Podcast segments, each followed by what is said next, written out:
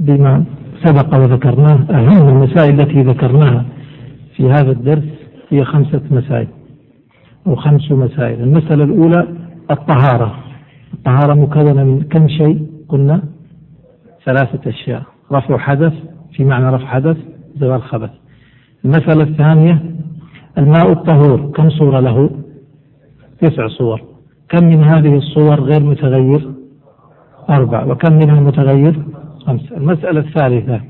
الماء الطاهر. كم صورة له؟ أربع المسألة الرابعة. الماء النجس. كم صورة له؟ أربع المسألة الخامسة. الطاهر من وجه والطهور من وجه. وكم صورة له؟ صورتان. هذه المسائل تراجعها وتثبتها وتحفظها الليلة وتراجعها في الغد وهكذا فتثبت بحول الله. ما بعد ذلك مسائل سهلة و يعني آه، ستكون يعني لا تستغرق أو لا تحتاج إلى جهد كبير. وقفنا عند قوله قوله قول المصنف. نعم. وإن شك في نجاسة ماء أو غيره أو طهارته بنى على اليقين. الأصل هو اليقين ويبني عليه فالماء الطهور الأصل في الماء أنه طهور. فإذا شك هل أصابته نجاسة أو لا الأصل أنه لم تصبه نجاسة والعكس كذلك. لو كان متيقن أن هذا الماء نجس ثم أصابه شك طاب عنه فرجع فشك هل هذا الماء هو نفسه النجس ولا تغير هل طهره أحد كذا الأصل أنه سيبقى على نجاسته. أكمل يا شيخ. أكمل. وإن اشتبه طهور بنجس حرم استعمالهما ولم يتحرى. لماذا؟ الآن اشتبه عنده إناءان أحدهما طهور والثاني نجس هو متيقن أن هذا طهور أن أحدهما طهور وأحدهما نجس لكنه لا يعرف تحديدا أين الطهور من النجس. هذا هو معنى اشتبه طهور بنجس. ماذا يفعل في هذه الحالة؟ قال حرم استعمالهما لا يستعمل الطهور ولا يستعمل لا هذا ولا ذاك لأنه لا يستطيع تحديد الطهور من النجس فلا يتحرى لأنه قد يتحرى فيقع في النجس. لا يقع في الطهور. قال ولم يتحرى. حرم استعمالهما. ولم يتحرى. نعم. ولا يشترط للتيمم إراقتهما ولا خلطهما. معناه أنه سيتجه إلى التيمم. إذا يدع هذين الإناءين ويتيمم آه، بدل ذلك. هل إذا ذهب إلى التيمم هل يقال له يجب عليك قبل أن تتيمم أن تريق الإناءين أو تخلطهما؟ لا لا يجب عليه ذلك. لماذا؟ بعض الناس بعض أهل العلم يقول يجب عليه أن يريقهما. لماذا؟ حتى يصح تيممه لأن لا يصح أن يتيمم وهناك ماء طهور بيقين. لكن هذه المسألة غير صحيحة. لماذا؟ لأنه وإن كان وإن كان هناك ماء طهور بيقين لكنه هو عاجز عن استعماله لأنه عاجز عن تحديده. إذا لا يشترط أن يريقهما ولا أن يخلطهما. هذه مسألة اشتباه الطهور بالنجس. نعم تفضل. وإن اشتبه بطاهر توضأ منهما وضوءا واحدا. معناه إذا كان الإناءان أحدهما طهور والثاني طاهر ولا يحدد لا يستطيع أن يحدد الطهور من الطاهر. ماذا يفعل في هذه الحالة؟ هل يدعهما ويتيمم؟ لا. هنا يقول توضأ منهما وضوءا واحدا. من هذا؟ نعم. نعم. من هذا غرفة ومن هذا غرفة. نعم. إذا يتوضأ في هذه الحالة من هنا وضوءا واحدا يأخذ غرفة من هذه أو غرفة آه، بفتح للمرة وغرفة آه، اسم للمغروف الماء. من هذا غرفة ومن هذا غرفة أو من هذا غرفة ومن هذا غرفة وصلى صلاة واحدة. نعم. أكمل. وإن اشتبهت ثياب طاهرة بنجسة أو بمحرمة صلى في كل ثوب صلاة بعدد النجس وزاد صلاة. معناه لو كانت عنده خمسة ثياب وهو متيقن أن ثوبين منهما أو منها نجسة. فعلى كلام المصنف أنه يحتاج أن يصلي كم؟ حتى حتى يكون متيقن حتى يصلي صلاة يصلي ثلاث مرات. لأنه إذا صلى بثلاثة ثياب يصلي بالأول والثاني والثالث. قطعا ستكون أحد هذه الصلوات بثوب طاهر. هذا نقول هذا صحيح. إذا أراد اليقين فهو آه كلام المصنف يوجب ذلك. معناه أنه يجب عليه حتى يصلي صلاة بيقين أن يفعل ذلك أن يصلي بعدد النجس ويزيد صلاة. ولو كان متيقن من ثلاث ثياب أنها نجسة ولا يستطيع تحديدها المسألة الآن في إذا اشتبه ولم يعرف لم يحدد. أما إذا حدد انتهى الموضوع يترك النجس ويصلي في الطاهر. لكن إذا لم يستطع أن يحدد فمعناه أنه يصلي بعدد النجس ويزيد واحد. وكذلك المحرم عنده أربعة ثياب. متيقن أن أحد هذه الأربعة محرم يعني مغصوب. فعند ذلك معناه يصلي صلاتين. طيب تفضل. باب الآنية. انتقل إلى باب الآنية والآنية جمع إناء وهو الوعاء الذي يوضع فيه الماء. وإنما يذكرون باب الآنية بعد المياه لأن الآنية هي الظرف الذي يوضع فيه الماء. فيذكرون أحكام الآنية التي تستعمل في الطهارة. قال المصنف في بيان الإناء الذي يجوز الوضوء به والاغتسال به. كل إناء طاهر ولو ثمينا يباح اتخاذه واستعماله. نعم. قال المصنف إذا كل إناء طاهر اشترط الطهارة أن يكون طاهرا. كل إناء طاهر بغض النظر عن كونه ثمين حتى لو كان ثمينا لا يضر. المهم أن يكون طاهرا. قوله كل إناء طاهر يباح اتخاذه ويباح استعماله يباح اتخاذه ما معنى اتخاذه؟ اتخاذه يعني اقتناؤه. يقول ويباح استعماله. استعماله ما معنى؟ يعني أن يستخدمه في أكل أو شرب أو طهارة يتوضأ منه أو فيه. يقول يباح ذلك. قوله كل إناء طاهر. ولو كان ثمين هذا يشمل آنية الذهب والفضة. فلذلك استثناها المصنف فقال إلا إلا آنية ذهب وفضة ومضببا بهما. إذا كل إناء طاهر يجوز استعماله ويجوز اتخاذه يعني اقتناؤه. إلا إذا كان ذهبا هذا الأول أو فضة هذا الثاني أو كان مضببا بذهب أو فضة. مضببا بذهب أو فضة. ما معنى مضبب؟ يعني ليس إناء من الذهب خالصا ولا من الفضة خالص لكن فيه شيء من الذهب أو فيه شيء من الفضة. يعني فيه شيء من الذهب أو الفضة على وجه الزينة مثلا. فيه خطوط فيه آه قطع. بأي صورة كانت. إذا كان الإناء مصنوعا من غير الذهب ومن غير الفضة لكن طعم بالذهب أو طعم بالفضة فإنه يحرم. إذا الآنية التي تحرم إلى الآن ثلاثة. من الطاهرات من الآنية الطاهرة. يحرم إناء الذهب الخالص والفضة الخالصة وما كان فيه ذهب أو فيه فضة. لكن استثنى المصنف من المضبب صورة واحدة. نعم. قال المصنف أكمل. فإنه يحرم اتخاذها واستعمالها. ما هي؟ آنية الذهب وآنية. الفضة والمضبب بهما. يحرم اتخاذها ويحرم استعمالها. استعمالها يعني في الأكل أو الشرب أو أو الطهارة والمصنف أتى به هنا للطهارة. قال ويحرم اتخاذها. ما معنى اتخاذها؟ اقتناؤها. لا مو استعمالها. استعمالها اقتناؤها ما معنى اتخاذها؟ نقول اقتناؤها. طيب. اقتناؤها. لماذا يحرم اقتناؤها؟ قالوا لأنه ما حرم استعماله حرم اقتناؤه. لأن اقتناؤه هو وسيلة لاستعماله. إذا لا يجوز لإنسان أن يقتني كأس مثلا أو ملعقة من إيش؟ من الذهب أو الفضة. لماذا؟ لأنه ليس لها وجه استعمال. جائز. هل يجوز للرجل أن يأكل في آنية الذهب أو الفضة؟ لا. المرأة لا يجوز لها. طيب أليس الذهب والفضة مباح للنساء؟ مباح لهن للزينة وليس مباح لهن للاستعمال. فلا تتخذ منه كأس ولا تتخذ منه كأس ولا ملعقة ولا سكين ولا غير ذلك. قال ما يحرم اتخاذه يحرم استعماله هنا أنبه إلى قضية بس حتى لا يحدث لبس. طيب هل يجوز للرجل أن يتخذ نقول هل يجوز للمرأة أن تقتني ملعقة من الذهب؟ ما يجوز. إذا الرجل بل أولى طيب هل يجوز للرجل أن يقتني خاتما من الذهب؟ الجواب نعم. الجواب نعم. لماذا؟ لأن خاتم الذهب له وجه استعمال صحيح. ألا يجوز للنساء؟ يجوز لكن ملعقة الذهب ليس لها وجه استعمال صحيح أصلا. واضح المسألة هذه؟ إذا ما كان ليس له وجه استعمال صحيح لا يجوز اقتناؤه. وما كان له وجه استعمال صحيح يجوز اقتناؤه. طيب أكمل. قال وتصح الطهارة منها إلا ضبة يسيرة من فضة لحاجة. طيب قال وتصح الطهارة منها. من إيش؟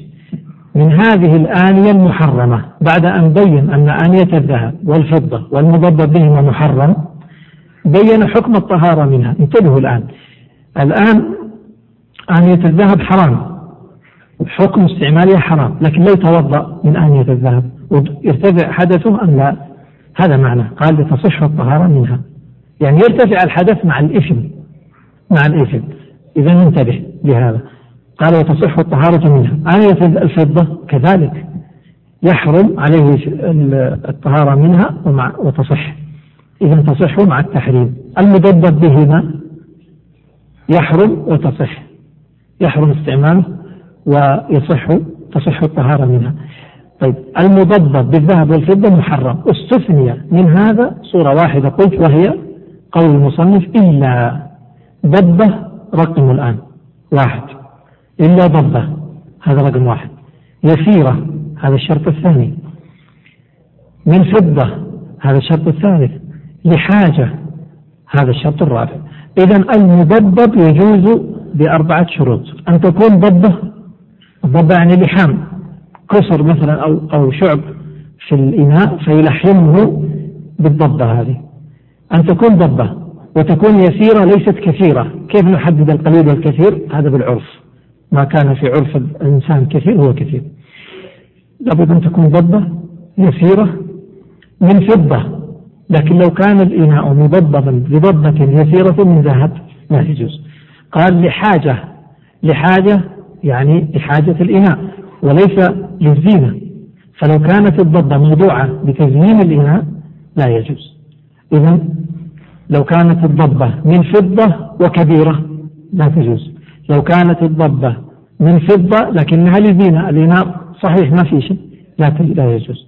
طيب قال المصنف وتكره مباشرتها لغير حاجة. تكره مباشرتها يعني الضبة إذا جازت. الضبة تجوز في حالات. ما هي قلنا؟ إذا كانت يسيرة من فضة لحاجة. إذا وضع الضبة على الإناء فليشرب من غير مكان الضبة. لا يشرب من مكان الضبة. طيب فإن شرب من مكان الضبة؟ يأثم؟ لا يكره ذلك له. حتى لا يكون مستعمل الذهب والفضة. طيب انتقل المصنف الآن انتهى من أحكام الآنية. سينتقل إلى مسألة جديدة. الآن باب الآنية فيه ثلاثة مسائل كبار. المسألة الأولى تحديد الآنية المباحة والمحرمة انتهينا منها. الآن سينتقل إلى أحكام آنية الكفار وثيابهم. ما حكمها؟ قال المصنف. تفضل. وتباح آنية الكفار ولو لم تحل ذبائحهم وثيابهم إن جهل حالها. إذا آنية الكفار بشتى أنواعهم قال ولو لم تحل ذبائحهم. يعني من الذين تحل ذبائحهم؟ اليهود ونصارى أهل الكتاب. يقول كفار جميعا حتى لو كانوا غير يهود غير أهل الكتاب. حكم آنيتهم كحكم ثيابهم ما حكمها؟ الأصل فيها الطهارة. قال وتباح آنية الكفار. ولو لم تحل ذبائحهم وثيابهم يعني وتحل ثيابهم إن جهل حالها. ما معنى إن جهل حالها؟ هي لها ثلاث صور. إما أن يعلم حالها فكيف يكون الحكم إذا علم حالها؟ لا إذا علم حالها بحسب المعلوم يعني علم طهارتها أو علم نجاستها فإذا بحسب المعلوم. والحالة الثانية أن عفوا يعني إذا أردنا ثلاث صور نقول أن تعلم طهارتها. نقول لها ثلاث صور نعيد. كم صورة؟ لها ثلاث. إما أن تعلم طهارتها أو تعلم نجاستها أو أو يجهل حالها. فإن علمت طهارتها فهي طاهرة. وإن علمت نجاستها فهي نجسة. طيب إن جهلت؟ هو هذا الإشكال. الإشكال هنا في الجهل. إن جهلت الأصل الطهارة؟ ولهذا قال وتباح إن جهل حالها. طيب انتقل المصنف الآن إلى أحكام جلود الميتة. لأن جلود الميتة تستعمل في الطهارة. تستعمل في الطهارة كآنية. ها؟ أي تستعمل كآنية. قرب وكذا قال المصنف ولا يطهر جلد ميتة بدباغ نعم. جلد الميتة نجس وليس بطاهر. أليس كذلك؟ ولا لا؟ طيب. جلد الميتة من مذهب؟ الناس كلها. جلد الميتة نجس. الميتة نجسة جلدها معه هل تطهر بالدباغ ولا ما تطهر؟ هذه التي تقول عن المذهب. المذهب يقول لا يطهر جلد ميتة بدباغ خلافا لجمهور أهل العلم. لا يطهر جلد ميتة بدباغ إذا الدباغ لا ينفع, لا ينفع الجلود. الجواب بلى ينفعها. ماذا ينفعها؟ صحيح ما يطهرها. تبقى نجسة. لكن الدباغ يخففها. فلذلك يباح استعمالها بعد الدبغ بشروط. إذا من حيث الطهارة من النجاسة جلد الميتة قبل الدبغ نجس وبعد الدبغ نجس. وعلى رأي الجمهور وهو الصحيح فيما أعلم وأذهب أنه طاهر. أن جلد أن الدباغ يطهر هذا مذهب الجمهور. معلش خالفنا المذهب في هذه المسألة تحملونه. قال ولا يطهر جلد ميتة بدباغ. إذا هو نجس. ما فائدة الدبغ؟ هل الدبغ ينفع ولا ما ينفع؟ قال ينفع. كيف ينفع؟ اقرأ علينا يا شيخ. ويباح استعماله بعد الدبغ في يابس من حيوان طاهر في الحياة. طيب إذا ينفع كيف؟ قال يباح استعماله بعد الدبغ. إذا هذا الشرط الأول بعد الدبغ ضع واحد. في يابس وليس في مائع. لماذا؟ لأنه نجس فلا توضع فيه المائعات في يابس. قال من حيوان طاهر في الحياة. هذا الثالث. الشرط الثالث يكون من حيوان طاهر في الحياة.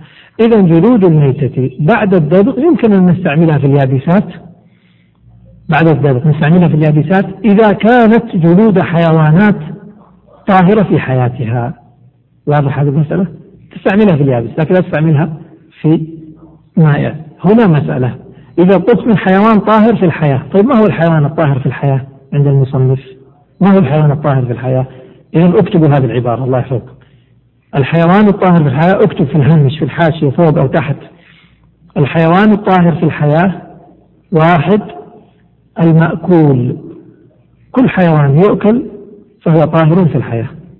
اثنين غير المأكول. إذا كان في حجم الهرة فما دون.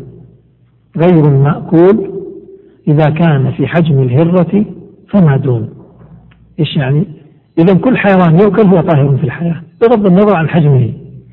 وكل حيوان لا يؤكل فنفصل إن كان حجمه في حجم الهرة وأصغر فهو طاهر في الحياة. وإذا كان أكبر من الهرة فهو فهو نجس في الحياة. فهمت المسألة؟ قال إنها ليست بنجس إنها من الطوافين عليكم الطوافات. قال إذا هذا الحديث حدد أن الحيوانات النجسة من الهرة فما فما دون هذا هو المذهب. والمسألة فيها خلاف طبعا. من أهل العلم وهو مذهب كثير منهم كل الحيوانات طاهرة ما عدا الكلب والخنزير. طيب دعونا الآن مع المذهب. الحيوان الطاهر في الحياة ما كان مأكولا أو أو كان غير مأكول وحجمه في الهرة فما دون فهمتوا الآن؟ معنى ذلك. على كلام المصنف الآن لو دبغنا جلد هرة يمكن نستعمله في اليابسات؟ يمكن. لو دبغنا جلد حمار يمكن استعماله في اليابسات؟ لا ما يمكن فهمتوا؟ لو دبغنا جلد شاه يمكن استعماله في اليابسات طيب أكمل يا شيخ.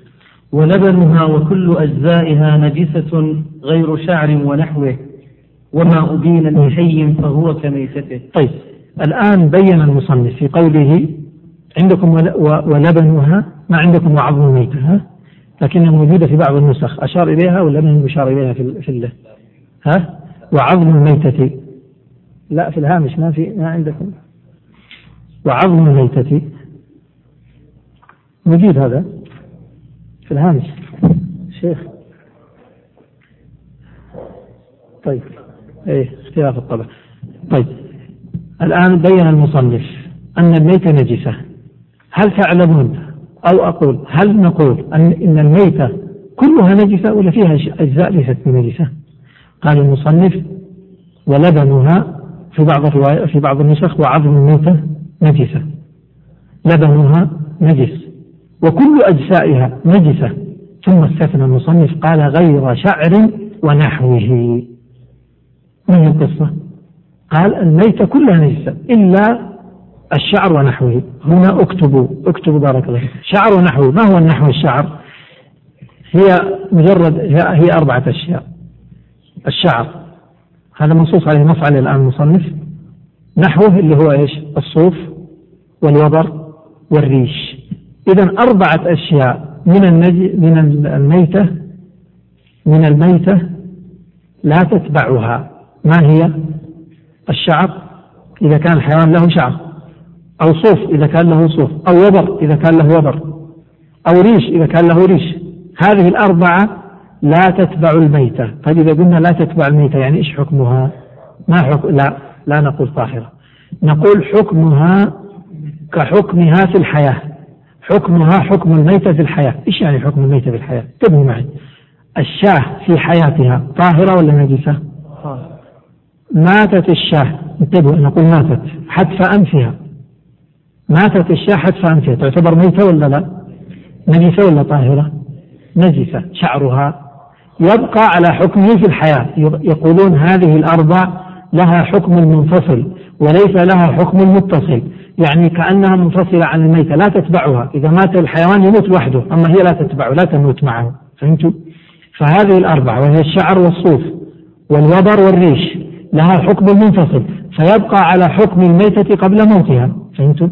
معناه في مثالي هذا الذي ذكرت وهو الغنم الشاة. ماتت الشاة حتف أنفها الشعر أو صوفها طاهر واضح؟ طيب حمار في الحياة ما حكمه؟ نجس. نجس. مات الحمار. حتف أنفه. طبعا لم يذكى. حتى لو ذكيناه. مشينا على السكين وذبحناه. يطهر ولا نجس؟ ميتة. نجس. طيب شعرها؟ شعرها نجس. من أجل أنه ميتة ولا لأنه هكذا حكم في الحياة؟ هذا حكم. فهمتوا الآن المسألة؟ وهكذا الصوف وهكذا. معناه أن الدجاج الدجاجة مثلا ماتت الدجاجة ريشها بحسب حكم في الحياة والوطن. فهمنا المسألة الآن قال وكل أجزاء نجسة غير شعر ونحوه اكتبوا جنبا. نحو هذه مغامرة وهي الصوف والوبر والريش. أكمل يا شيخ. قال وما أبين؟ وما أبين من حي فهو كميتته. ما أبين يعني ما قطع من حيوان حي أو من كائن حي فحكمه حكم ميتته هذا يشبه المسألة السابقة فإذا قطعنا من الإنسان أو إذا قطع والعياذ بالله إذا قطع من الإنسان عضو قطعت يد إنسان مثلا ما حكم هذا اليد؟ طيب ميتة الإنسان طاهرة أليس كذلك؟ فإذا يده التي قطعت طاهرة قال ما أبين من حي فهو كميتته. طيب قطعنا من الشاة وهي حية رجلها. ما حكم هذه الرجل؟ نجسة لأن ميتة الشاة نجسة. وهكذا. إذا لابد أن نعرف طيب ما هي الميتات الطاهرة؟ ثلاث. ثلاث على الإجمال الإنسان. وهذا اكتبوها فهي كميتته. اكتبوا الميتة الطاهرة الإنسان.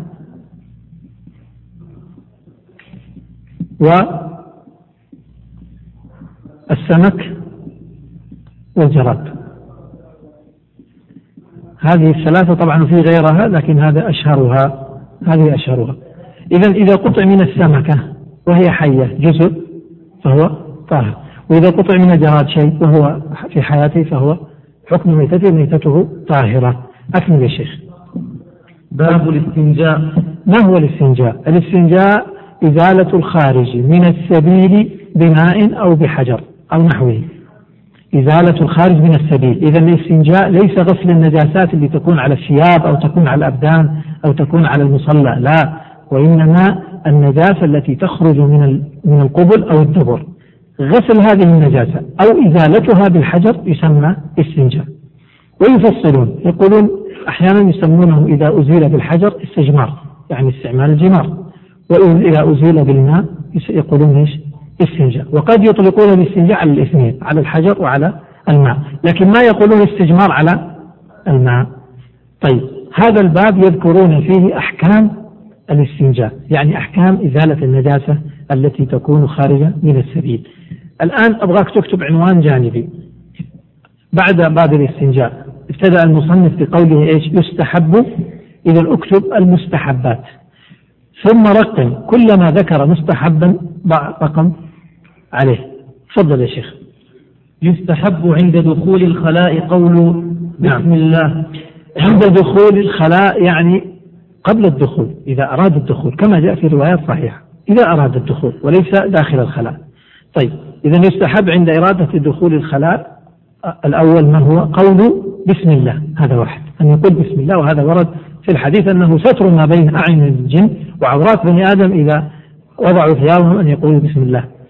قال طيب والثاني أن يقول أعوذ بالله من الخبث والخبائث. وهذا في الصحيح. هذا ورد أعوذ بالله من الخبث والخبائث. إذا هذان ذكران منفصلان ورد في أحاديثين منفصلين. طيب الثالث وعند الخروج منه, منه غفرانك. هذا الثالث أن يقول غفرانك وهذا ورد في حديث مستقل وورد أيضا الحمد لله. الحمد لله الذي أذهب عني الأذى وعافاني. نعم أذهب عني الأذى وعافاني. طيب طبعا رواية الحمد لله الذي أذهب عني الأذى وعافاني فيها مقال فيها ضعف لكنها ذكرها المصنف المستحبات وهم يتساهلون فيما كان من باب الفضائل أو المستحبات أو المكروهات يعني ليس التحريم والوجوب. طيب. الثالث والرابع وتقديم رجله اليسرى دخولا نعم. لماذا تقديم اليسرى دخولا ورد النبي صلى الله عليه وسلم كما ورد في حديث عائشة أنه يحب التيمم في في تنعله وترجله في طهوره كله وفي طهوره في شأنه كله. قالوا إذا يستحب التيامن فيما كان من باب الفضائل وما كان من باب الأذى لا يستحب التيمم بالعكس يستحب آه، اليسرى. تقديم اليسرى. قال تقديم اليسرى دخولا واليمنى خروجا. نعم. أكمل إيه؟ أعد سيارة إيه تفضل. تفضل. يكون سيارة جنس رقم اللوحة من اليسار ثمانية اثنين ثلاثة. مغلقة على الجيران مسببة أذى. جنس رقم اللوحة ثمانية اثنين ثلاثة. ليته أتى بلونه أفضل. يمكن ما حد يحفظ رقم لوحته. طيب اللي عنده سيارة جنس آه، يدرك الناس. قال الشيخ وتقديم وتقديم رجله اليسرى دخولا ويمنى خروجا. عكس مسجد ونعل. عكس المسجد معناه المسجد يقدم اليمنى في الدخول واليسرى في الخروج والنعل لبس النعل يقدم اليمنى في اللبس وإيش؟ واليسرى في الخلع. طيب.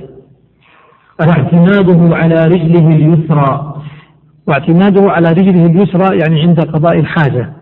وهذا يقولون يعني يستدلون له بأثر لا يصح.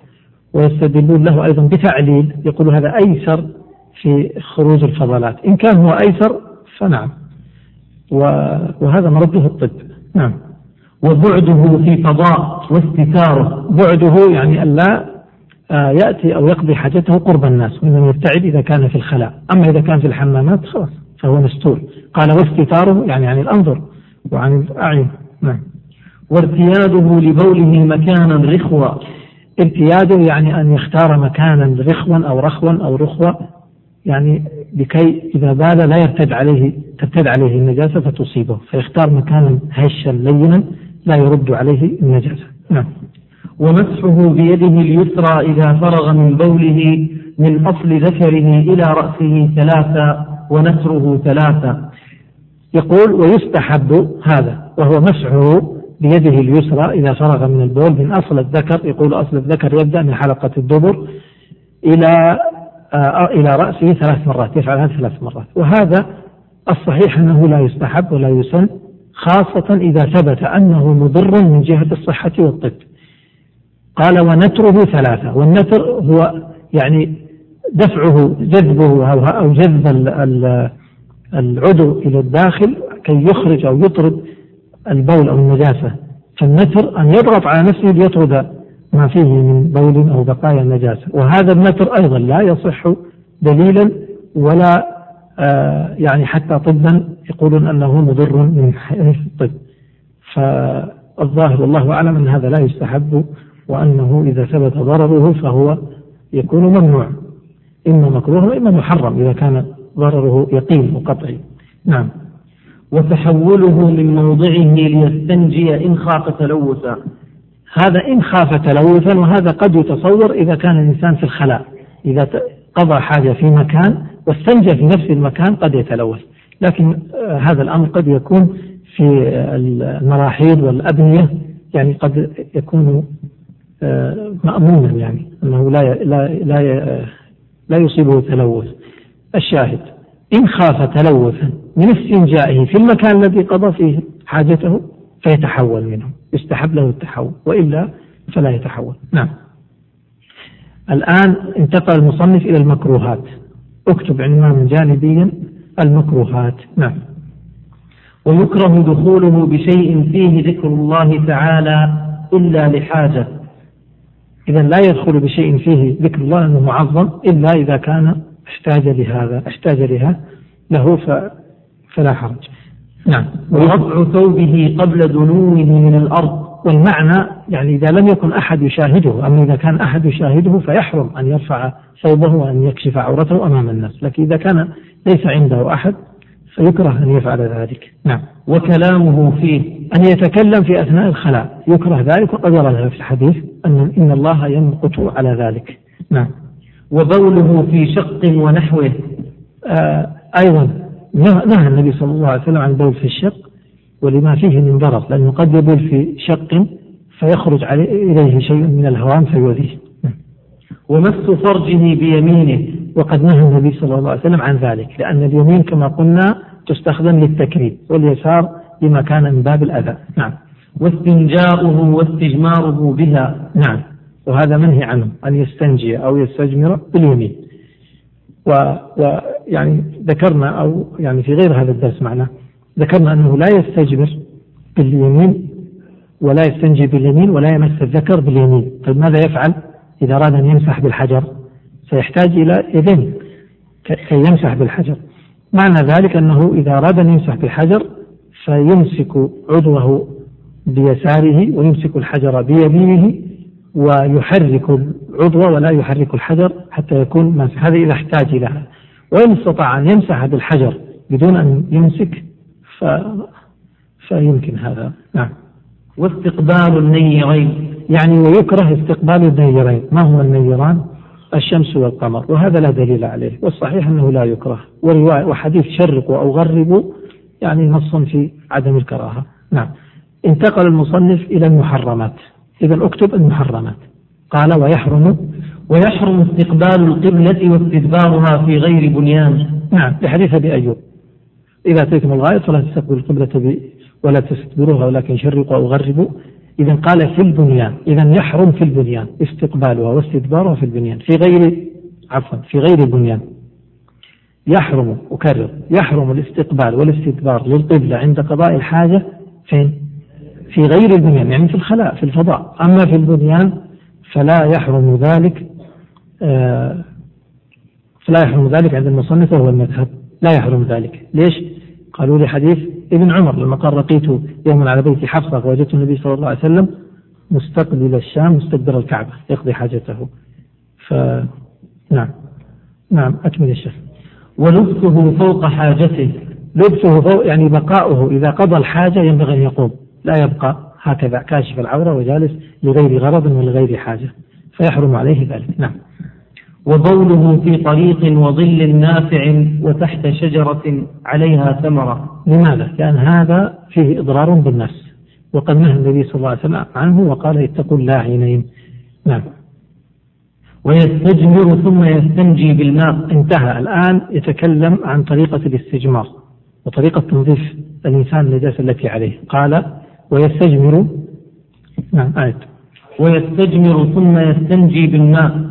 إذا أولا يبدأ بالحجر ثم يستنجي بالماء. هذا الأكمل. إذا كيف يستخدم كيف يقطع الإنسان النجاسة التي عليه؟ كيف يغسل الإنسان نفسه؟ كيف ينظف الإنسان نفسه من النجاسة؟ ثلاثة طرق. الطريقة الأكمل أن يستخدم الحجر والماء. الحجر والماء هذه الأولى. الثانية أن يستخدم الماء فقط. الثالثة أن يستخدم الحجر فقط أفضلها الأولى ثم الثانية ثم الثالثة. طيب إذا الأولى نستعمل الحجر والماء. إذا استعمل الحجر والماء يقدم ماذا؟ يقدم الحجر ما يقدم الماء. إن قدم الماء لا فائدة من الحجر لا قيمة للحجر. واضح هذا. الطريقة الثانية يستعمل الماء فقط. قال المصنف ويستجمر بحجر ثم يستنجي بالماء هذا أفضلها. ويجوز أن يقتصر على الماء فقط. ويجوز أن يقتصر على الحجر فقط. واضح المسألة هذه؟ قال ويجزئه الاستجمار يعني أن يقتصر على الحجر فقط. أكمل. ويجزئه الاستجمار إن لم يعد الخارج موضع العادة. طيب هنا مسألة لابد من شرح. ما هي؟ كيف كيف ينقي بالماء؟ كيف يكون الإنقاء بالماء؟ وكيف يكون الإنقاء بالحجر؟ الإنقاء بالماء غير الإنقاء بالحجر.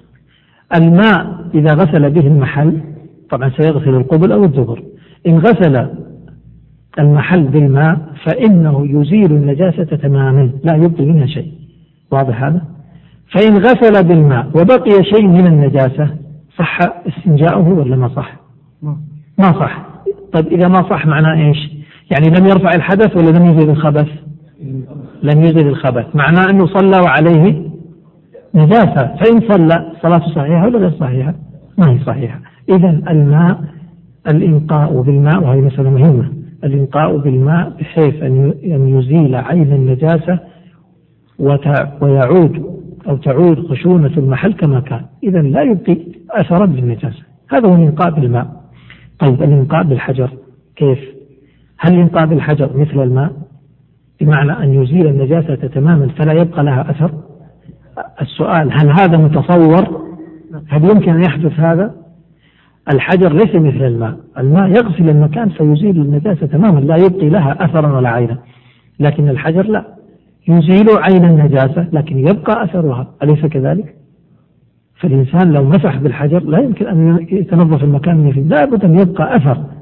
لا يستطيع الحجر على إزالته. يبقى أثر لا يستطيع الحجر إزالته. ولا يزيله إلا الماء. فالإنقاء بالحجر هو هذا. أن يزيل النجاسة بحيث لا يبقى إلا أثر لا يقدر عليه إلا الماء. فهمتوا؟ هذا هو الإنقاء بالحجر. إذا انتبهوا لو أنه مسح بالحجر مسح النجاسة بالحجر فزالت فزال بعضها وبقي شيء من النجاسة يمكن للحجر أن يزيلها. هل يصح استجمار ولا ما يصح؟ ما يصح. ما يصح. وهذا متنجس وصلاته غير صحيحة. إذا لابد أن يمسح حتى لا يبقى إلا نجاسة لا يقدر عليها الحجر. فهمتوا المسألة الآن؟ طيب. قال ويجزئه الاستجمار. إذا كيف ينطق؟ بهذه الطريقة. هذا أمر. عندنا شرط ثاني. ما هو؟ قال لم يعد الخارج موضع العادة. إذا خرج من الإنسان النجاسة أو خرجت النجاسة من الإنسان فأراد أن يستنجي بالحجر. يقول لا يقبل الحجر إلا إذا كانت النجاسة لم تعد موضع العادة. أما النجاسة التي تعدت موضع العادة فلا يصح فيها الاستجمار. الحجر ما يصح. فهمت المسألة؟ كيف؟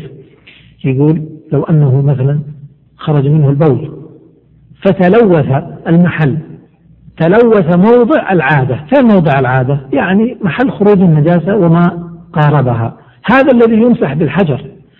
أما إذا تعدى البول فأصاب فخذه مثلا. هل يمسح الفخذ بالحجر؟ يقول لا الاستنجاء لا يكون للفخذ ولا يكون للرجل ولا يكون للبطن ولا يكون وإنما يكون في مكان خروجها. المكان الذي تخرج منه وما جاوره ويسمى موضع العادة. يعني العادة أنه يتلوث. أما إذا تلوث موضع آخر ليس موضع العادة فلا ينفع فيه الحجر. إيش يسوي؟ ماذا يفعل في هذا؟ يحتاج ماء، فهمتوا الآن؟ إذا إذا تبول فأصاب فخذه شيء من البول وعنده حجر الحجر ماذا يفعل به الآن سيمسح به موضع العادة والفخذ يحتاج إلى ماء واضح هذا هذا معنى قوله إن لم يعدو ويجزئه الاستجمار إن لم يعدو الخارج موضع العادة فإن فإن تعدى الخارج موضع العادة لا يجزئه الاستجمار فهمتوا الآن المسألة؟ طيب أكمل يا شيخ. شروط الاستجمار أكمل. ما زال يذكرها الآن. ويشترط لاستجمار بأحجار ونحوها أن يكون طاهرا منقيا. هذا الأول والثاني. طاهر لا يكون نجس. ما يمسح بشيء نجس. الثاني منقي. إيش معنى منقي؟ منقي يعني ينظف يزيل. لكن لو استعمل شيئا أملس كالزجاج مثلا. الزجاج يمكن ينظف؟ ما ينظف يزيل النجاسة يغير بس يحركها المكان لكن لا يمسح. إذا لابد أن يكون منقيا. ثلاثة غير عظم وروث وطعام ومحترم. ومتصل بحيوان. ومتصل بحيوان. معناه لا يكون شيء من هذه المذكورات. لا يكون عظم. كل هذا نهي عنه. العظم لأنه إما نجس أو هو طعام الجن روث كذلك نجس. ولا يكون طعام ولا محترم. ما يجوز أن يستنجي بالطعام. ولا بشيء محترم ككتب العلم مثلا. ولا بمتصل بحيوان. يأخذ مثلا رجل الحيوان ويمسح بها أو ذيله فيمسح به لا لا يصح الاستجمار بهذا. إذا قلنا لا يصح معناه إذا استجمر بهذه الطريقة. أزال النجاسة أم لا؟ إذا قلنا لا يصح يعني ما زال النجاسة. أكمل يا شيخ. ويشترط ثلاث مسحات منقية فأكثر. نعم. ولو بحجر ذي شعب طيب. ثلاث مسحات إذا لو مسح مرتين ما يصح لابد من الثلاث. منقية لو مسح ثلاث وبقيت النجاسة لم تزل. لابد أن يزيد الرابعة. يقول منقية فأكثر أكثر من ثلاث. ولو بحجر ذي شعب. إذا هو الآن الشرط العدد المشروط هو في الأحجار ولا في المسحات في المساحات. لو كان بحجر واحد كبير له أطراف وشعب فمسح من هذا الطرف ومسح الثاني من هنا والثالث من هنا. جاز ذلك. قال ولو بحجر ذي شعب. ثم قال ويسن قطعه على وتر كيف؟ الثلاث واجبة. معناها سنتان ما يذكر. ثلاث المساحات واجبة. فإن لم تكفي الثلاث ما أنقت الثلاث؟ النجاسة باقية. يزيد؟ لا. يزيد أربع الرابعة تصير حكمها؟ واجب. واجبة. يزيد الرابعة يزيد خمس انتبهوا يزيد الرابعة الرابعة واجبة. طيب إذا مسح بالرابعة فأنقى المحل بالرابعة أصبحت الخامسة إيش؟ سنة. يزيد الخامسة استحبابا مش وجوبا. فهمتوا؟ انتبهوا. الآن غسل مسح ثلاث مسحات. فلم تنقي المحل. فيزيد الرابعة إيش وجوبا ولا استحبابا؟ وجوبا. لم تنقي المحل. يزيد الخامسة وجوبا ولا استحبابا. لم تنقي المحل قلت وجوبا ما دام ما انقت يزيد الخامسة وجوبا. فأنقت يزيد السادسة ولا خلاص؟ خلاص يقطع على وتر. طيب لم تنقي الخامسة يزيد السادسة وجوبا. أنقت السادسة إذا أراد السنة يزيد السابعة استحبابا حتى يقطع على وتر. هذا معنى ويسن قطع على وتر. أكمل يا شيخ. ويجب الاستنجاء لكل خارج إلا الريش. ولا يصح. قبله. لا لا شيخ كل مسألة قف عليها إلا الريش يقول يجب الاستنجاء. الاستنجاء ما حكمه واجب ولا ولا مستحب؟ شوفوا بالله اكتبوا اكتبوا في جوار هذه العبارة. النجس بين قوسين أو أي النجس الملوث. النجس الملوث. النجس الملوث. ما ما معنى النجس؟ يجب الاستنجاء بشرطين. أن يكون نجسا وأن يكون ملوثا يعني أن يكون الخارج من من السبيل نجسا وملوثا واضح؟ طيب كيف نجس ملوث؟ إذا كان الخارج من السبيل ليس نجسا يعني طاهر يجب الاستنجاء ولا ما يجب؟ خرج منه شيء طاهر يجب ولا ما يجب؟ جاوبوا يا إخواني يجب خرج منه من بدون المني طاهر خرج منه من يجب ولا ما يجب؟ إذا خرج طاهرا الطاهر ما يغسل منه يعني لو خرج منه مخاط يجب عليه أن يغسل ولا ما؟ انتبهوا إيش معنى يجب؟ يعني لو صلى بدون أن يغسله تصح صلاته ولا لا؟ ما تصح. لا إذا خرج طاهرا. نعم إيه طبعا في المني لابد أن يغتسل مش من أجل النجاسة من أجل الحدث. إذا إذا خرج منه طاهر فالطاهر لا يجب غسله. فلو صلى بدون أن يغسله صح صلاته. الثاني ملوث. طيب لو كان نجسا غير ملوث كان يخرج منه تخرج منه النجاسة جافة. فخرجت النجاسة ولم تلوث المحل. هل يجب عليه الاستنجاء ولا ما يجب؟ لا ما يجب. ما تلوث المحل. يغسل إيش؟ ما في شيء أصلا يغسله. فهمتوا علي؟ اذا يجب بشرطين. أن يكون الخارج نجسا وأن يكون ملوثا. فإن كان طاهرا لم يجب. وإن كان غير ملوث لم يجب. واضح ولا لا؟ لكن يجب صار ملوث صار نجس. يعني هم يتصوروا كيف يقول لك الخارج. خذ المثال. خرجت منه حصاه جافة الحصاة طاهرة الحصاة حصاة جافة. فهي طاهرة الحصى ما هي نجسة. لكن لو خرجت معناها فيها نجاسة. إذا الاستنجاء يجب لكل خارج نجس ملوث. طيب أكمل. ختم بعد ذلك قال نعم. ولا يصح قبله وضوء ولا تيمم. قبل من؟ قبل الاستنجاء. قبل الاستنجاء.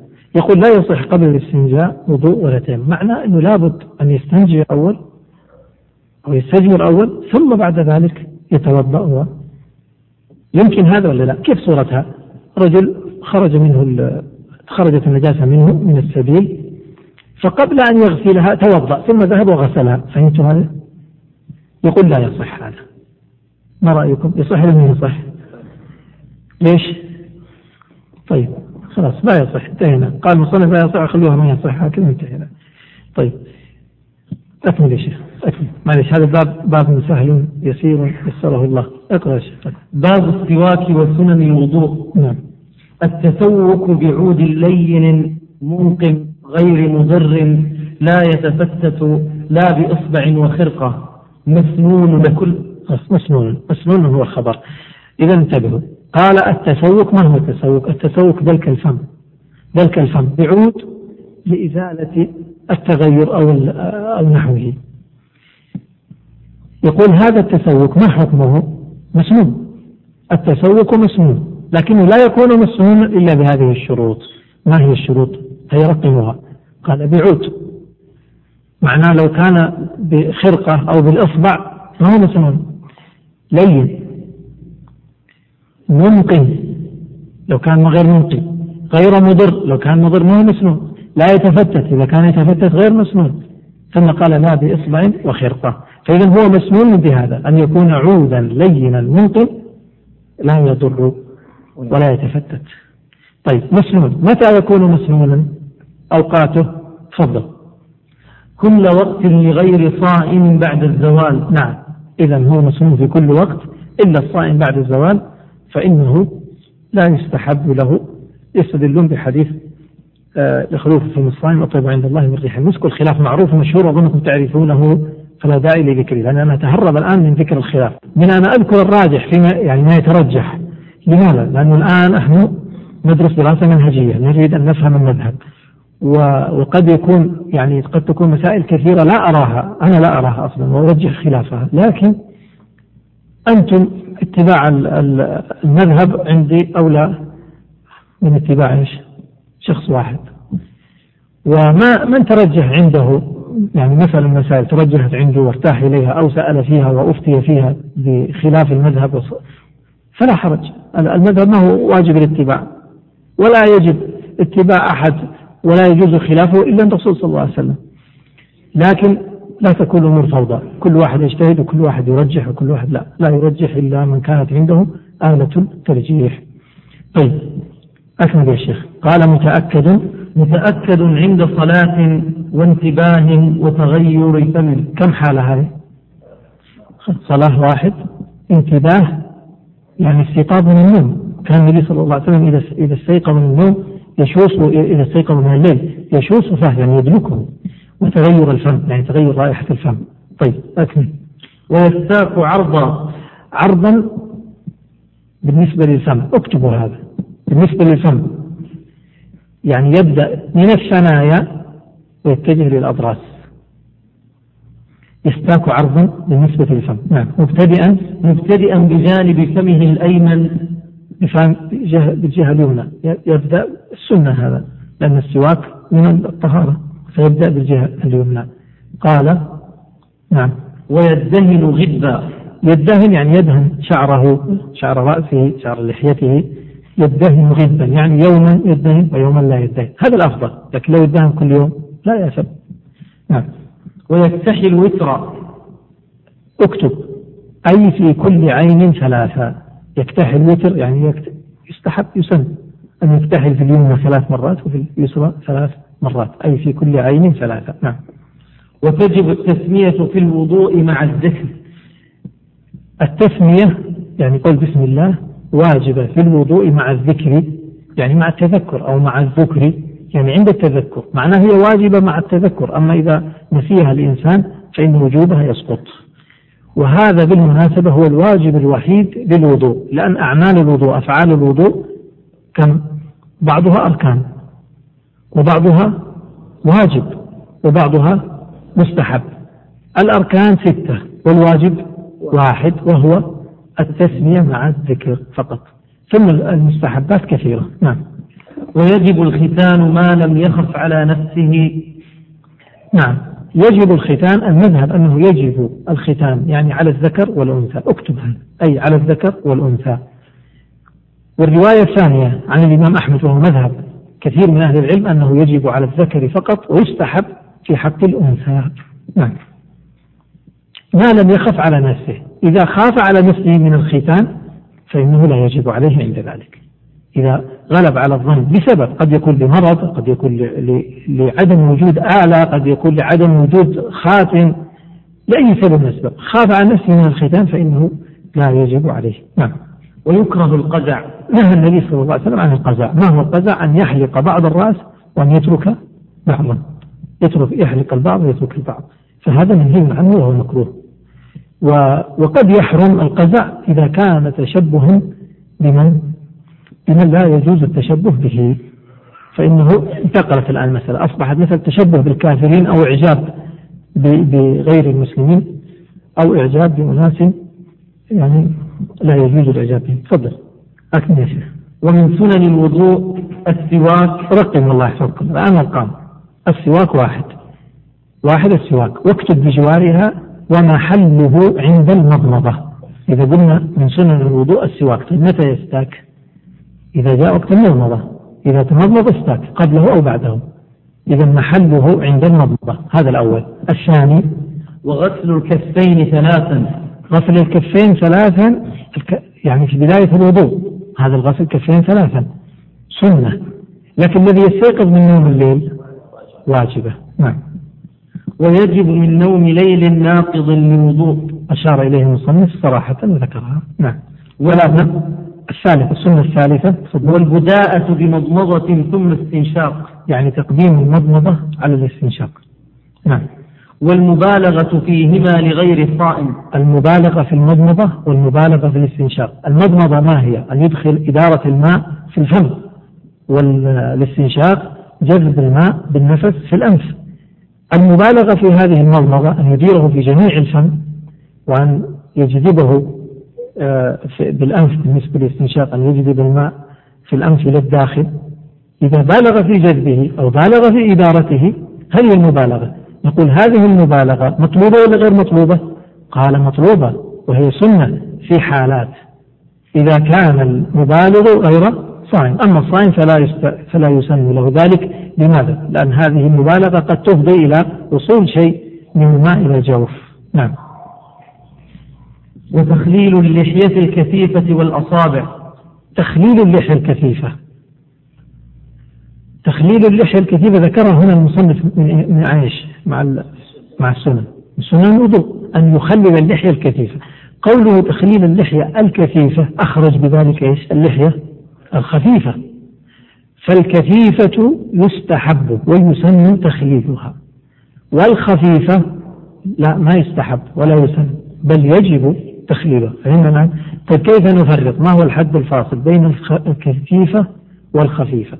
الحد الفاصل هو وصف البشرة. إذا كانت اللحية الشعر قليل يرى الجلد من خلاله. ما يحجب الجلد ما يحجب البشرة. فهذه خفيفة ولا كثيفة؟ خفيفة. معناه أنه غسلها كيف؟ تخليلها كيف؟ واجب. وإن كانت إن كانت اللحية شعرها كثير بحيث يحجب البشرة ما ترى البشرة من خلالها فهذه إيش؟ هذه كثيفة فتخليلها سنة لكن غسلها من الخارج واجب. أفهم الكلام؟ الآن صارت اللحية الكثيفة يجب غسلها من الخارج وجوب يجب أن تعممها من الخارج لكن من الداخل؟ هو هذا التخليل سنة هذا التخليل سنة. وإن كانت خفيفة فيجب غسلها من الداخل والخارج. من الداخل هو تخليلها عرفنا الآن الفرق؟ طيب لو كانت الإنسان لو كان في الإنسان لحية يعني لحيته متدرجة جزء منها خفيف وجزء منها كثيف فما الحكم؟ يغلب من لا يغلب شيئا وإنما يعطي كل جزء حقه فالكثيف منه يغسله من الخارج والخفيف يغسله من الداخل.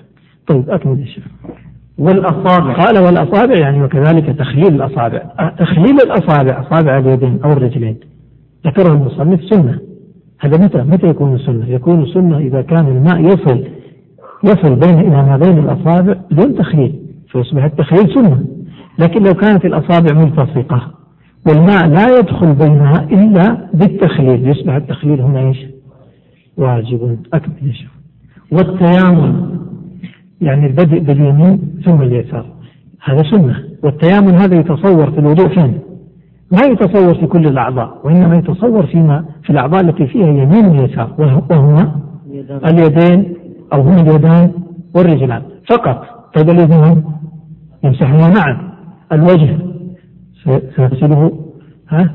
سيغسل يمينه ويساره معا. هكذا إذا يتصور في اليمين واليسار. وينبني على هذا أنه لو توضأ فبدأ باليد اليسرى ثم اليمنى صح وضوءه أم لم يصح؟ صح وضوءه ويكون قد ترك السنة. نعم. وأخذ ماء جديد للأذنين. الآن مسح الأذنين. هو من غسل الرأس من مسح الرأس. فإذا مسح رأسه مسح أذنيه.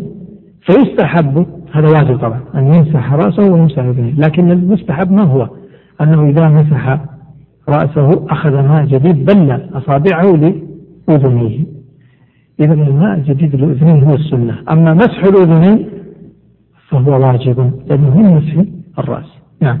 والغسلة الثانية والثالثة؟ والغسلة الثانية والثالثة كذلك قال هي سنة معنى الأولى واجبة. طيب الآن أسألكم سؤال. لو كانت عندنا هنا جوائز لا ها؟ لكنا يعني عملنا مسابقة الآن. الآن سؤال الغسلة الثانية والثالثة الأولى ما حكمها؟ بالنسبة بالنسبة لا بالنسبة لأنواع الطهارة. الأولى من أي أنواع الطهارة؟ لا الطهارة ما هي كم نوع؟ أكرر ثلاثة رفع الحدث و فالغسلة الأولى من إيش؟ رفع الحدث رفع الحدث والثانية الثالثة ما في ما في معنى ولا تنسوا نحن قلنا الآن خمس مسائل مهمة الآن هذه الأولى ما هي؟ أنواع أنواع الطهارة الطهارة كم نوع؟ لا بس عددا كم نوع؟ ثلاثة هذا طيب الماء الطهور كم صورة؟ تسع المتغير منه كم؟ خمسة غير المتغير الطاهر كم نوع؟ النجس كم نوع؟ ما كان من وجه ووجه. طيب خلاص حافظين ما شاء الله تبارك طيب أكمل بني يا شيخ. بس ننهي هذا الباب ونقف. طيب تفضل. باب فروض الوضوء والصلاة. ترى اليوم أجهد لأجهدكم وأجهدني معكم طبعا. الباب الأول. لكن إن شاء الله لا يتكرر يعني. بعد كذا سيكون الأمور خلاف السبل. نعم أكمل فيه. باب فروض الوضوء وصفته طيب فروض الوضوء يعني أركانه. يقال لها فروض ويقال أركان. طيب تفضل. فروضه فروضه ستة. فروضه ستة. انتبهوا يا أخوان فروضه ستة. هذه الستة ذكرت في الآية. أربعة منها ذكرت في الآية. تغسلوا وجوهكم وأيديكم من المرافق وامسحوا برؤوسكم وأرجلكم إلى الكعبين. والترتيب موجود أيضا إشارة. ما هو مذكور صراحة لكن موجود إشارة. مرتبة القرآن. فإذا صار خمسة من هذه الستة. ويبقى السادس. جاءت به السنة. ما هو السادس؟ الموالاة. الموالاة. إذا أكمل يا شيخ. فروضه ستة. الآن رقموا. الأول واحد. الوجه والفم والأنف منه قف خلاص. هذا الواحد. الأول. إذا الأول غسل الوجه. الفم والأنف منه. ما ذكرت المضمضة والاستنشاق ما ذكرت في الآية. قالوا بلى هي داخلة في غسل الوجه. فالمضمضة والاستنشاق هي من الوجه. هذا هو المذهب. والآن والفم والأنف منه يعني من منه يعني من غسل الوجه أو من الوجه. من الوجه. إذا هذا الأول. والإمام أحمد يستدل لذلك بأدلة كثيرة يعني عقلية ونقلية. أما النقلية فما ورد عن وضوء النبي صلى الله عليه وسلم. ما ترك المضمضة والاستنشاق وأما العقلية قال من وضع الماء في فمه وهو صائم لم يفطر. ولو وضع الخمر في فمه لم يحد. لهذا فمعناه أن داخل الفم له حكم الداخل ولا الخارج؟ خارج. له حكم الخارج. طيب الثاني الفرض الثاني نعم. وغسل اليدين. هذا رقم اثنين. اكتبوا رقم اثنين. يعني نكتب اثنين. طيب. ثلاثة. ومسح الرأس ومنه الأذنان. إذا الثالث مسح الرأس. ومنه الأذنان. مسح الأذنان الرسول. إذا ما هو السنة في الأذنين؟ أخذ ماء جديد لمسحه الرابع. وغسل الرجلين. طيب. ثم الخامس. والترتيب. والسادس. والموالاة. طيب. وهي ألا يؤخر غسل عضو حتى ينشف الذي قبله. عرف الموالاة شرحها. ما هي الموالاة؟ الموالاة قال لا يؤخر غسل عضو حتى يجف الذي قبله. معناه إذا غسل وجهه لا يؤخر غسل اليدين حتى يجف الوجه. وهكذا إذا غسل اليدين لا يؤخر مسح الرأس حتى تجف اليدان وهكذا هذه الموالاة. طيب هو الآن سيشرح أكثر بعد ذلك. تفضل. والنية شرط لطهارة الأحداث كلها. طيب قف. الآن عرفنا أنه عندنا أركان وهي فروض وعندنا واجب واحد وعندنا سنن وعندنا شروط. المصنف ذكر شرطا واحدا وهو النية. ذكر شرطا واحدا وهو النية. وهناك شروط أخرى. آه، أتمنى أن تكتبوها الآن. اكتب في في في في أعلى الصفحة شروطه. واحد النية. اثنين الإسلام. ثلاثة العقل. يعني شروط صحة الوضوء. أربعة التمييز. أربعة التمييز. الآن هذه الأربعة انتبهوا. هذه الأربعة هي شروط ليس للوضوء فقط. هي للوضوء وهي ليش؟ للغسل وللتيمم وللصلاة مشتركة. إسلام وعقل وتمييز ونية هذه مشتركة. الآن سيشرع كم تبقى الآن؟ كم هي عدد الشروط؟ أنا ذكرت أربعة لكن كلها كم؟ عشرة. طيب باقي ستة الآن. الستة هذه هي للوضوء والغسل قد يشترك معها في بعضها. يعني أربعة عامة في في كل العبادات. والأربعة الثانية التي تأتي تكملة الثمانية مشتركة مع الغسل للوضوء للغسل طيب أكمل الآن. سنكمل إيش؟ خمسة؟ خمسة خمسة. ذكرنا أربعة يا إخوان. إيه أكمل. خمسة. طهورية الماء. الماء الطهور. الماء الطهور. اكتب الماء الطهور. ستة المباح. إيش يعني الماء الطهور؟ يشترط للوضوء أن يكون الماء طهر لكن لو كان طاهرا أو نجيسا ما يصح. ستة المباح الماء المباح. إيش يعني المباح؟ ما يكون مغصوب. وإحنا قلنا في الماء المغصوب ذكرناه في وجه وجه ولا لا؟ من المغصوب يرفع الحدث ومن يرفع؟ يرفع الحدث ولا لا؟ ما يرفع على المذهب ما يرفع. طيب ستة. سبعة إزالة الحائل. إزالة الحائل. إيش الحائل يعني؟ المقصود يعني إزالة ما يمنع وصول الماء للبشرة يعني لو كان على اليد مثلا أو على الوجه لصق أو شيء بدون ضرورة مش جديرة إذا كان هناك حائل لا حاجة له لا داعي له فينبغي أن يزال لكن لو بقي هذا الحائل وغسل ما يصح الغسل. إذا إزالة الحائل. ثمانية انقطاع الموجب. انقطاع الموجب. إيش انقطاع الموجب؟ يعني موجب الحدث.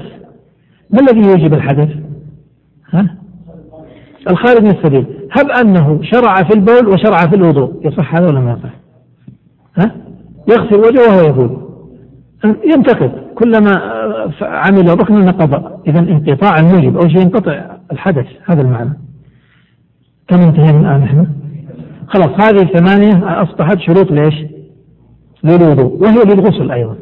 إلا أن الوضوء يشترط له أيضا شرطان زائدان. يعني نزيد تسعة وعشرة. عشان في الغسل ما نعيد الكلام. إذا من واحد إلى ثمانية هي شروط للوضوء وشروط للغسل. ونزيد التاسع تقدم الاستنجاء. هذا خاص بمن؟ بالوضوء. تقدم الاستنجاء. يعني لابد أن يستنجي أول ثم يتوضأ. مر معنا هذا. العاشر دخول الوقت بدائم الحدث. دخول الوقت دائم الحدث. ليش؟ لأن دائم الحدث صاحب الثلاث يحتاج أن يتوضأ كلما دخل وقت. هذا شرط. دخول الوقت لدائم الحدث.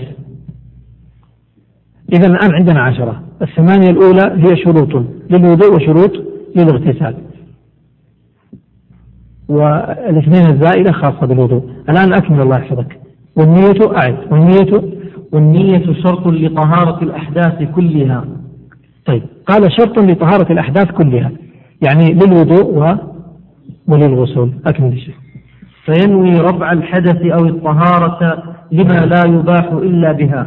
قف هنا الآن يبين ما هي النية المجزئة. كيف ينوي؟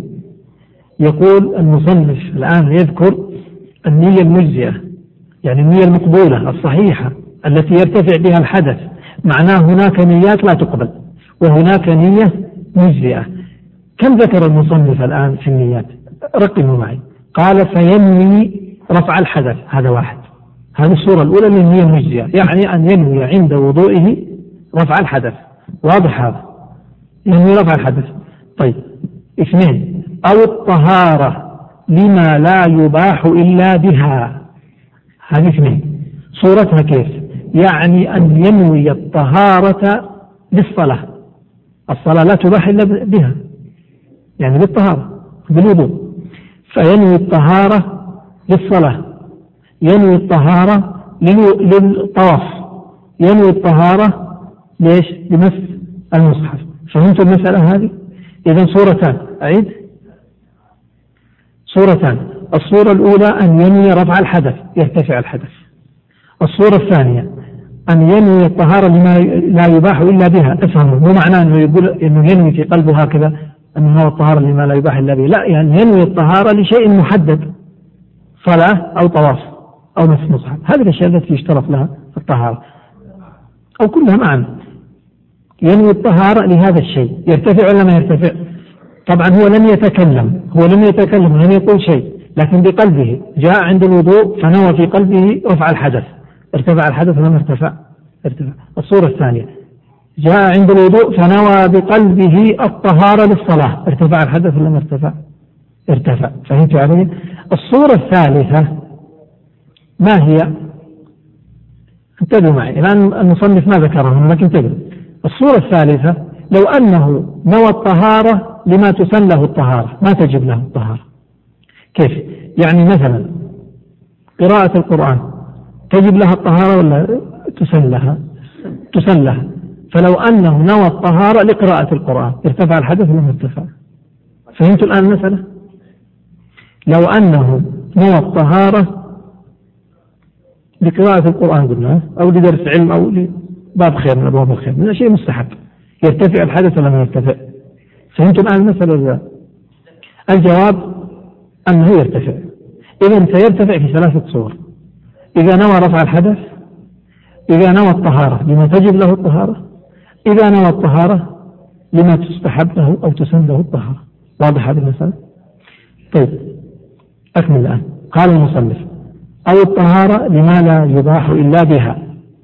فإذا يمكن نضيف إحنا نقول أو ثلاثة أو لما تسن له. لكن هو الآن الآن أكمل بس القراءة بعدين أنا أنبه. قال فإن نوى فإن نوى ما تسن له الطهارة كقراءة. الآن هذه الصورة الثالثة التي ذكرت ولا لا؟ ليست هي؟ طيب ما هو الحكم؟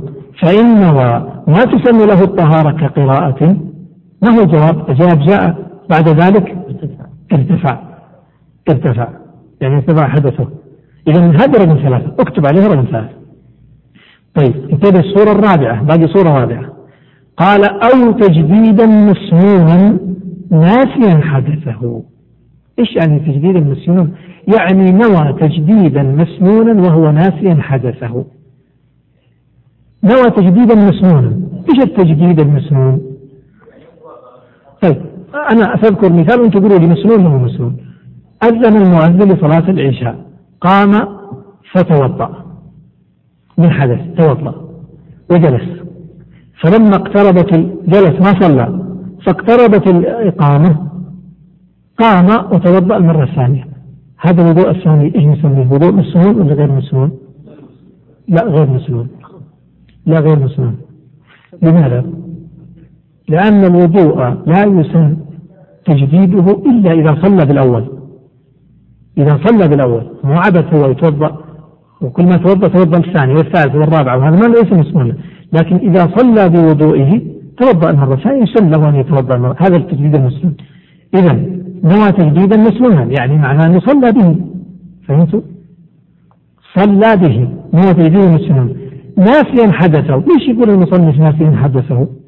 لأنه تخيلوا الآن واحد محدث فقام يتوضأ ونوى تجديد مسنون هذا يصح ولا تلاعب هذا؟ ها؟ تلاعب هذا إذا كان متذكرا حدثه هل ينوي المسنون ولا ينوي الحدث رفع الحدث؟ ينوي رفع الحدث ولهذا قال المصنف ناسي حدث يقول لا إذا نوى المسنون وهو محدث وكان ناسيا لحدثه فهذا الذي يرتفع فهمت المسألة؟ جاء وصل توضأ وصلى السنة ثم وأحدث ونسي أنه محدث وتذكر أنه صلى السنة فأراد أن يجدد قال أقوم وأجدد نسي أنه محدث فجدد الوضوء ماذا نرى؟ هل نرى رفع الحدث ولا نرى التجديد المسنون؟ نرى التجديد يرتفع حدثه ولا ما يرتفع؟ يرتفع ما دام ناسيا. لكن تخيلوا معي لو أنه ذهب للوضوء فنوى التجديد المسنون وهو محدث ويعلم أنه محدث. هذا لا يصح. إذا أربعة صور. الصورة الأولى رفع الحدث. الصورة الثانية الطهارة لما لا تباح إلا بها. الثالثة أن ينوي ما تسن له الطهارة. الرابعة أن ينوي التجديد المسنون ويكون ناسيا للحدث. ففي هذه الأربع يرتفع يرتفع حدثه. أكمل الشيخ وإن نوى غسلا مسنونا أجزأ عن واجب. مثاله نوى غسل مسنون يعني اغتسل عن الجمعة كان عليه جنابة واليوم جمعة. فنوى الجمعة الجمعة غسل مسنون ولا غير مسنون؟ ولا واجب؟ المذهب مسنون الجمهور مسنون هو غسل سنة وليس بواجب. ولهذا يمثلون له بغسل الجمعة. لكن من يقول بأنه واجب؟ ما يصلح هذا المثال. لكن على المذهب يصلح هذا المثال نوى غسل الجمعة وعليه جنابة. ارتفع حدثه ولا ما ارتفع؟ ارتفع. قال وعكسه عليه جنابة واليوم جمعة. فغسل الجنابة يجزي عن مش؟ وهكذا قال وعكسه. يرتفع حدثه طبعا أكمل وإن اجتمعت أحداث توجب وضوءا أو غسلا فنوى بطهارته أحدها ارتفع سائرها. كيف هذا؟ إذا اجتمعت أحداث توجب وضوء. الأحداث التي توجب وضوء خرج الريح وبول وإيش؟ وغائط ثلاثة الآن. فهو نوى رفع الحدث مثلا من إيش؟ من الريح. لكن ما نوى أن لا يرتفع عن الأشياء الثانية. يعني استحضر الريح وقال ونوى أن يرفع الحدث أن يتوضأ يرفع الحدث الذي هو حدث الريح. يرتفع الثاني. واضح هذه المسألة. فإن اجتمعت أحداث توجب وضوء أو أحداث توجب غسل. ونوى بطهارته أحدها. فيرتفع سائرها. واضح؟ معناه ما يحتاج أن يتوضأ عن عن الريح ويتوضأ وضوء ثاني عن إيش؟ عن البول. ويتوضأ لا.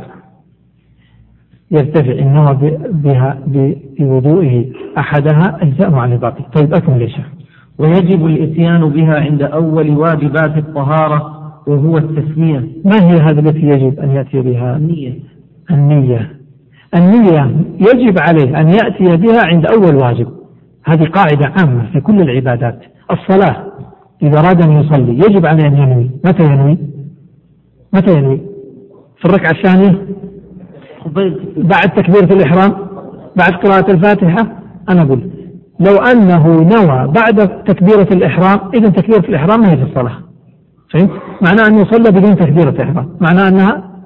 فهمت الآن؟ لو أنه نوى الوضوء بعد أن غسل وجهه يصير إيش هذا الوضوء؟ بداية في أنا أقول نوى الوضوء غسل وجهه ثم نوى الوضوء يصح هذا الوضوء؟ لا يصح لأنه ما أتى بأركان الوضوء الآن غسل الوجه صار هذا عمل إيش؟ عمل عادي هذا تنظيف هذا ما هو ما هو طهارة مشروعة إذا يجب أن يأتي بالنية عند أول واجبات الطهارة أو أول واجبات الوضوء وهو التسمية لأن التسمية واجبة والتسمية واجبة قبل غسل الوجه. أكمل يا شيخ. وتسن عند أول مسنوناتها إن وجد قبل واجب. طيب إن وجد قبل واجب. يعني لو أنه مثلا أراد أن يغسل يده أولا ثم يسمي. يصح هذا؟ وتسن عند أول مسنوناتها نعم. واستصحاب ذكرها, ذكرها في جميعها. طيب استصحاب ذكرها في جميعها. يسن ولا يجب؟ يسن. الآن ذكرها المصنف أنه يسن. طيب ما هو استصحاب ذكرها؟ الآن النية النية لها حالتان. استحضار النية له صورتان. إما أن يستحضرها ذكرا وإما أن يستحضرها حكما. ذكرا ما معنى؟ يعني يذكرها. يعني يذكرها بلسانه؟ لا بقلبه. يعني يستحضرها بقلبه يتذكرها. هذا استحضار النية ذكرا. متى يجب؟ يجب في أول العمل. طيب هل يجب عليه أن يستحضر ذكرها في كل العمل؟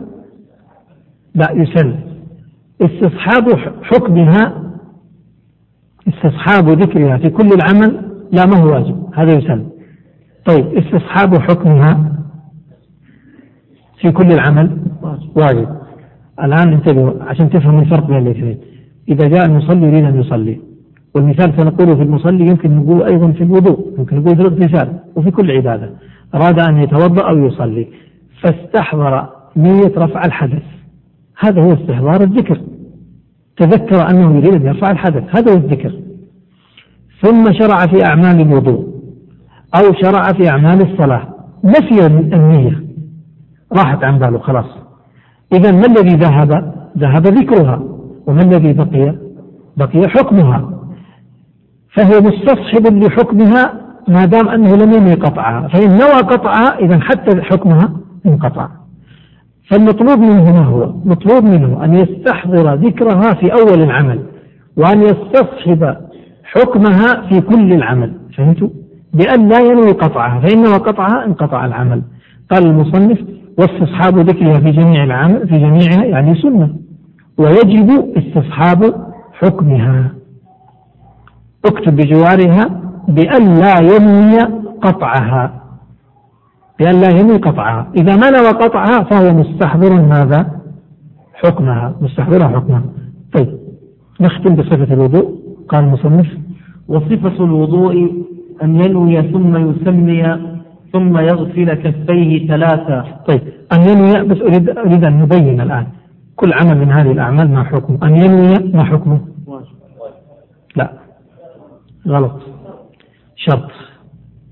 ينوي شرط. طيب هنا الآن ينوي ينويها إيش؟ ذكرا ولا حكما؟ ذكرا هنا ذكرا. والحكم سيستمر بعد ذلك. طيب هذا واجب. قال بعد ذلك ثم؟ ثم يسمي. ما حكم هذه التسمية؟ واجب. أكمل. أكمل. ثم يغسل كفيه ثلاثا. ما حكم غسل الكفين ثلاثة لا لا لا كيف كيف كثرت الأقوال وكثرت إيه غسل يغسل كفيه ثلاثة. سنة؟ سنة. إلا إذا كان قائم النوم ليل معناه يكون واجب. طيب هو الآن ما هو قائم النوم ليل؟ خلاص سنة. أكمل. ثم ثم يتمضمض ويستنشق. ما حكم هذا؟ لا. ركن؟ هذا ركن فرض من فرض طيب أكمل. وهو تابع لأي ركن؟ الوجه. الوجه الركن الأول. أكمل. ويغسل وجهه من منابت شعر الرأس. لحظة. ويغسل وجهه. غسل الوجه هنا إيش؟ فرض. ركن. الآن بين الوجه حد الوجه الذي يجب غسله. قال من منابت شعر الرأس. فين منابت شعر الرأس؟ محل ما ينبت شعر الرأس. طبعا هذا بالنسبة للرجل المعتاد. لكن لو كان الإنسان على غير عادة يعني شعره لا ينبت إلا فين؟ في منتصف رأسه. يبدأ من منتصف رأسه لا يبدأ في المحل المعتاد. ها؟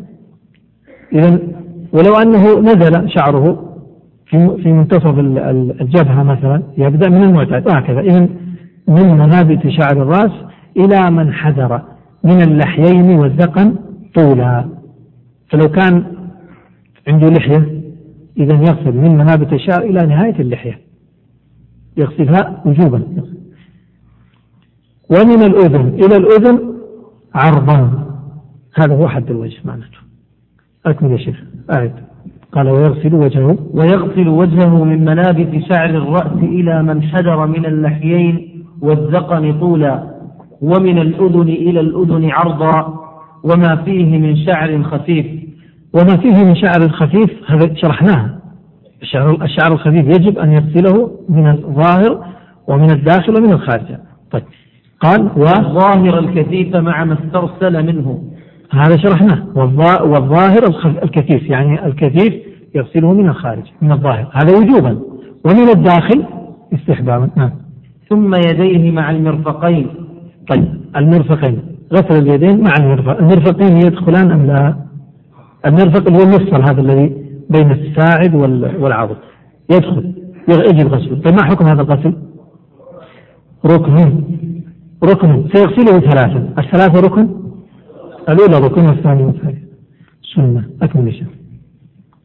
ثم يمسح كل رأسه مع الأذنين مرة واحدة. ما حكم هذا المسح؟ ركن. والسنة أن يبدأ بمقدم رأسه ويرجع بهما إلى قفاه ثم يردهما إلى مقدم رأسه. ثم يمسح بعد ذلك يأخذ ماء جديد ويمسح أذنه. فيدخل السبابة داخل الأذن ويجعل الإبهام في الظاهر من الخارج. نعم. ثم يغسل رجليه مع الكعبين. ما حكم هذا الغسل؟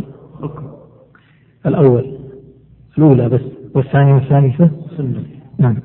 ويغسل الأقطع بقية المفروض ما هو الأقطع؟ يعني من كان مقطوع الطرف. إذا قطعت يده مثلا من منتصف الساعد فمعناه يجب عليه أن يغسل الباقي.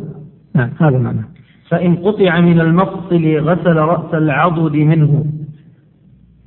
إذا قطع من المفصل معناه يغسل, رأس العضد. نعم. ثم يرفع نظره إلى إيه، السماء. أو يقال أنه إذا لم يبقى شيء من الواجب أنه سقط عنه الفرض هذا. إذا إذا لم يبقى شيء. نعم. ثم يرفع نظره إلى السماء ويقول ما ورد. طيب. ما حكم هذا؟ أن يرفع نظره إلى السماء. وهذا ورد في حديث فيه مقال. وأن يقول ما ورد. ما هو الذي ورد؟ يقول أشهد أن لا إله إلا الله وحده لا شريك له أشهد أن محمدا عبده ورسوله. وهذا صحيح. هذا ورد في صحيح مسلم. وهذا سنة ليس بواجب. نعم. قال وتباح معونته وتنشيف أعضائه. تباح معونته يعني أن يعينه أحد. يعينه أحد في وضوءه يصب عليه وهكذا. وتنشيف أعضائه إذا انتهى من الوضوء أن ينشف أعضائه بمنديل أو خرقة. ذكر المصنف هاتين المسألتين وقال حكمها ما هو. قال تباح يعني أنها إيش؟ تعتبر سنة ولا واجب؟ مباحة يعني جائزة. ولا تنسون في الأحكام الخمسة كم؟ خمسة. الأحكام التكليفية كم؟ الخمسة خمسة. ما هي؟ الوجوب والندب والإباحة لا لحظة لحظة. تعرفونها ولا لا يا إخوان؟ مما يعرفها؟ الأحكام التكليفية الخمسة. شوفوا. كل شيء أعمال المكلف كل عمل يعمله المكلف لا يخرج حكمه عن هذه الخمسة ما هي ما هي هذه الخمسة؟ إما واجب وإذا خففت الواجب ماذا سيكون؟ إذا خففت الواجب سيكون مستحب أو مسنون أو مندوب ثم المحرم وإذا خففت المحرم كان مكروها وبينهما المباح أو الجائز لماذا؟ لأن الأمر إذا ورد إذا ورد الأمر من الشرع فإما أن يرد على سبيل الإلزام فيكون واجب أو على غير سبيل الإلزام فيكون مستحب. والنهي كذلك إن جاء على سبيل الإلزام كان محرم أو على غير سبيل الإلزام كان مكروه. وإن جاء الشرع بالتخيير فهذا هو المباح. فقوله وتباح يعني أنه من المباح وليس بالمحرم ونقف عند هذا القدر. ونكمل إن شاء الله تبارك وتعالى في الغد. وأسأل الله العلي العظيم أن يوفقني وإياكم وأن يتقبل منا جميعا وأذكركم المراجعة وصلى الله وسلم وبارك على نبينا محمد.